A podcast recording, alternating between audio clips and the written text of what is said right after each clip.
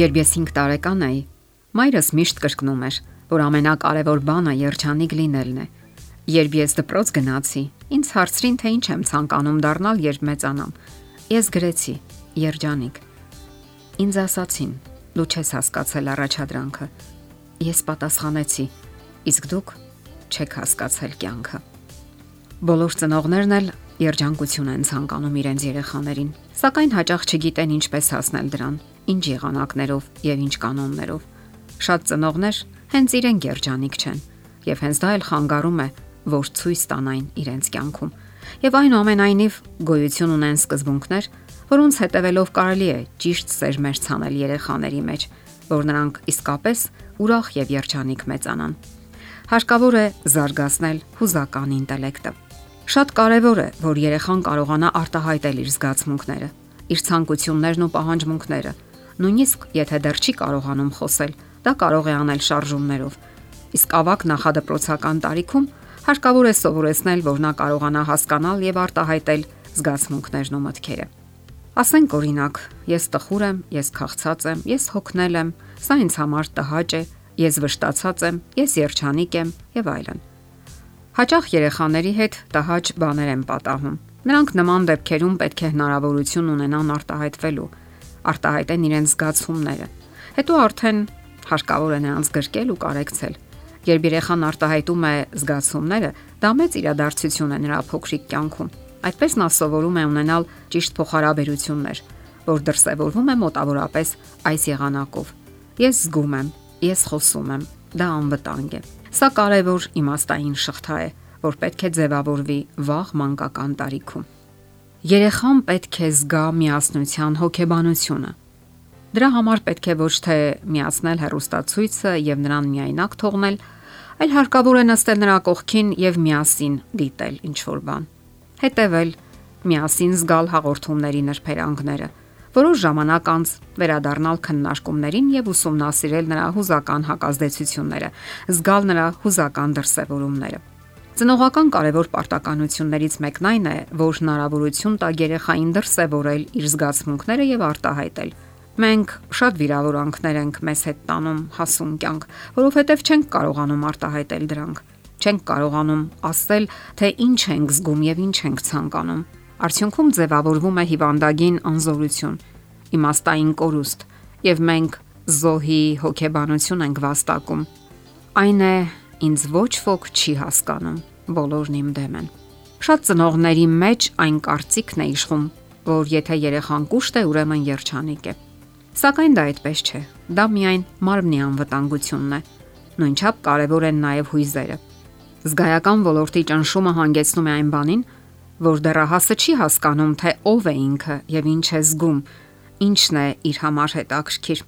Այն բոլորը, ինչ տեսնում է ծնողը դեռահասի կյանքում, միանգամից չի ձևավորվում Ինչու է հաճախ պարփակվում երեխան, որովհետև նրան չեն լսել, հնարավորություն չեն տվել արտահայտելու զգացմունքները,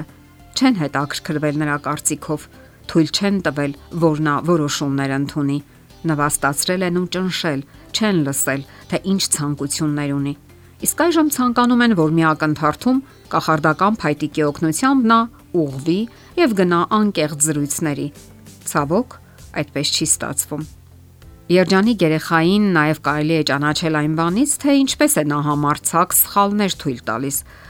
որոնում լուծման տարբերակներ եւ տարբեր ուղիներ։ Երջանիկ երեխան ոգեշնչվածությամբ եւ հետաքրքրասիրությամբ ներգրավվում է ամեն ինչի մեջ։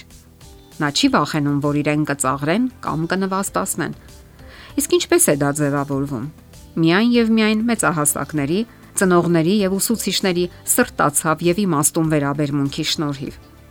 Ֆինլանդացի ուսուցիչները, տեսնելով, որ երեխան սխալ է լուծել առաջադրանքը, ասում են. Ինչ հրաշալի սխալ։ Իսկ սխալների, իսկ առանց սխալների հնարավոր չէ գտնել ճիշտ լուծումը։ Իսկ երբ դրա համար վիրավորում են երեխային կամ ծաղրում, ապա նրա մեջ կորչում է ճանաչողության, ուսումնասիրության ցանկացած ցանկություն։ Ամեն ինչ շատ ավելի հեշտ է, քան թվում է։ Գլխավորը, որ պետք է անեք, պարզապես սիրելն է եւ այդ մասին ասելը։ Մի վախեցեք, որ կսիրեք շատ ավելի, քան պետք է։ Սերը երբեք ավել կամ շատ չի լինում։ Մի սիրեք այն բանի համար, որ ձեր երեխան լսող է, հնազանդ է, խելացի է կամ կիրթ է եւ լավ գնահատականներ է տուն վերում։ Այդպես սիրելու դեպքում երեխայի մոտ աշխարհանկալման նևրոտիկ տեսակ եւ ցածր ինքնագնահատական է ձևավորվում։ Երեխան սկսում է իրեն հարցնել. Իսկ արժանի եմ արդյոք սիրո, կոնֆետի, լավ վերաբերմունքի, բարձր աշխատավարձի եւ այլն եւ այլն։ Վերջնական արդյունքում դա հանգեցնում է անլիարժեքության բարթույթների եւ կենսական անհարթության։ Եվ այսպես ժամանակն անցնում է։ Մենք չենք հասցնում նկատել, թե ինչպես են մեծանում մեր երեխաները։ Գնահատենք ներկա հնարավորությունները եւ սիրենք երեխային, լսենք նրան, հաշվի առնենք նրա կարծիքը։ Շարունակենք այդ հրաշալի երկխոսությունը մեր ամբողջ կյանքի ընթացքում։ Երեխան տեսնում է, թե ինչպես են լսում իրեն, հաշվի առնում իր կարծիքները։ Նա հասկանում է, որ ինքը արդեն մեծ է, իրեն լուրջ են ընդունում եւ դա ոգեշնչում է նրան եւ ավելի հասուն դարձնում։ Նաեւ ավելի երջանիկ։ Նա ձգտում է դառնալ ավելի լավը, արդարացնել մեծահասակների իր վրա դրված հույսերը։ Հակառակ դեպքում նա կպարփակվի, կդառնա անմատչելի, միգուցե ինչև իր կյանքի վերջը։ Իսկ դա երջանկության չի կարող տանել։ Ձգտեք երջանկության եւ այն ներարկեք ձեր երեխաներին։ Եթերում է ընտանիք հաղորդաշարը։ Ձեզ հետ է Գեղեցիկ Մարտիրոսյանը։ Հարցերի եւ առաջարկությունների դեպքում զանգահարեք 041 08 2093 հեռախոսահամարով։ Հետևեք մեզ hopmedia.am հասցեով։